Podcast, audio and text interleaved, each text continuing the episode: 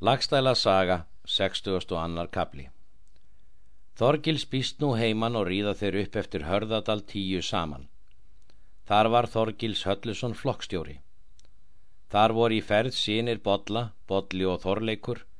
Þorður Köttur var hinn fjörði bróðir þeirra, fymti Þorsteit Svarti, sjetti Lambi, sjöndi og átti Haldur og Örnólfur, níundi Sveit, tíundi Húnbógi. Þeir voru sínir áls úr dölum. Þessir voru allir víglegir.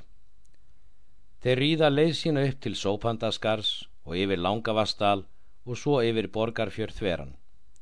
Þeir ríðu að Eyjarvaði yfir Norðurá en að Bakkavaði yfir Kvítá skamt frá bæi ofan. Ríðu þeir Reykjardal og svo yfir Hálsin til Skorradals og svo upp eftir skóginum í nánd bænum að Vasshorni, stíga þar af hestum sínum var þá mjög kveldið á liðið. Bærin að vassorni stendur skamt frá vatninu fyrir sunnan ána. Þorgil smælti þá í förunöyta sína að þeir myndu þar verum nóttina og mun ég fara heim til bæjarins á njóst að forvitnast hvort Helgi sé heima. Mér er sagt að Helgi hafi heldur fáment oftast en sé allra manna varastur um sig og kvíli í ramlegri lokrekju. Förunöytar Þorgils báði hann fyrir sjá gerir Þorgils nú klæðaskipti.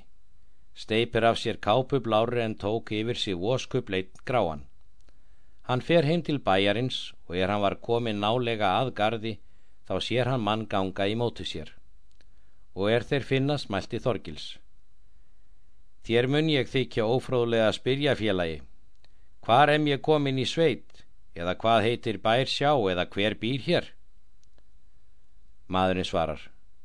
Þú munt vera förðu heimskur maður og fávís ef þú hefur eigi heilt getið Helga Harbeinssonar, hins mesta garps og mikil mennis. Þorgil spyr þá hversu góður Helgi var viðtakna ef ókunnir menn koma til hans og þeir er mjög þurfa ásjá. Hann svarar, gott er þar satt frá að segja því að Helgi er hið mesta stórmenni bæðu um manna viðtökur og annan skörungskap. Gort er Helgi nú heima, segi Þorgils. Ég vildi skora á hann til viðtöku. Hinn spyr hvað honum væri á höndum. Þorgil svarar. Ég var sekur í sumar á þingi. Vildi ég nú leita mér tröst nokkurs til þess manns er mikill væri fyrir sér. Vildi ég þar í mót veita honum fylg mín og þjónustu.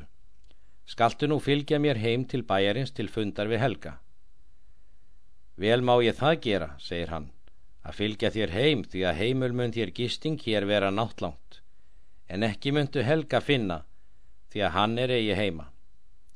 Þá spyr Þorgils hvar hann væri. Hann svarar, Helgi er í seli sínu, þar er heitir í sarpi. Þorgils spyr hvar það væri eða hvað manna væri með honum. Hann hvað þarf vera són hans harbein og tvo menn aðra er sekir voru og hann hafði við tekið. Þorgils bað hann vísa sér sem gegst til selsins því að ég vil þegar hitta Helga er ég nái honum og reka erindi mitt. Húskarling gerði svo að hann vísaði honum leiðina og eftir það skilja þeir. Snýr Þorgils í skógin og til förnauta sinna og segir þeim hvers hann hefur vís orð um hægi Helga. Muni við hér dveljast nátt langt og vend ekki fyrr til selsins en á morgun. Þeir gera sem hann mælti fyrir. Um morgunin riðu þeir Þorgils upp eftir skóginum Þar til er þeir komu skamt frá selinu. Þá bað Þorgils þá stíga af hestónum og etta dagverð og svo gera þeir dveljast þar um hríð.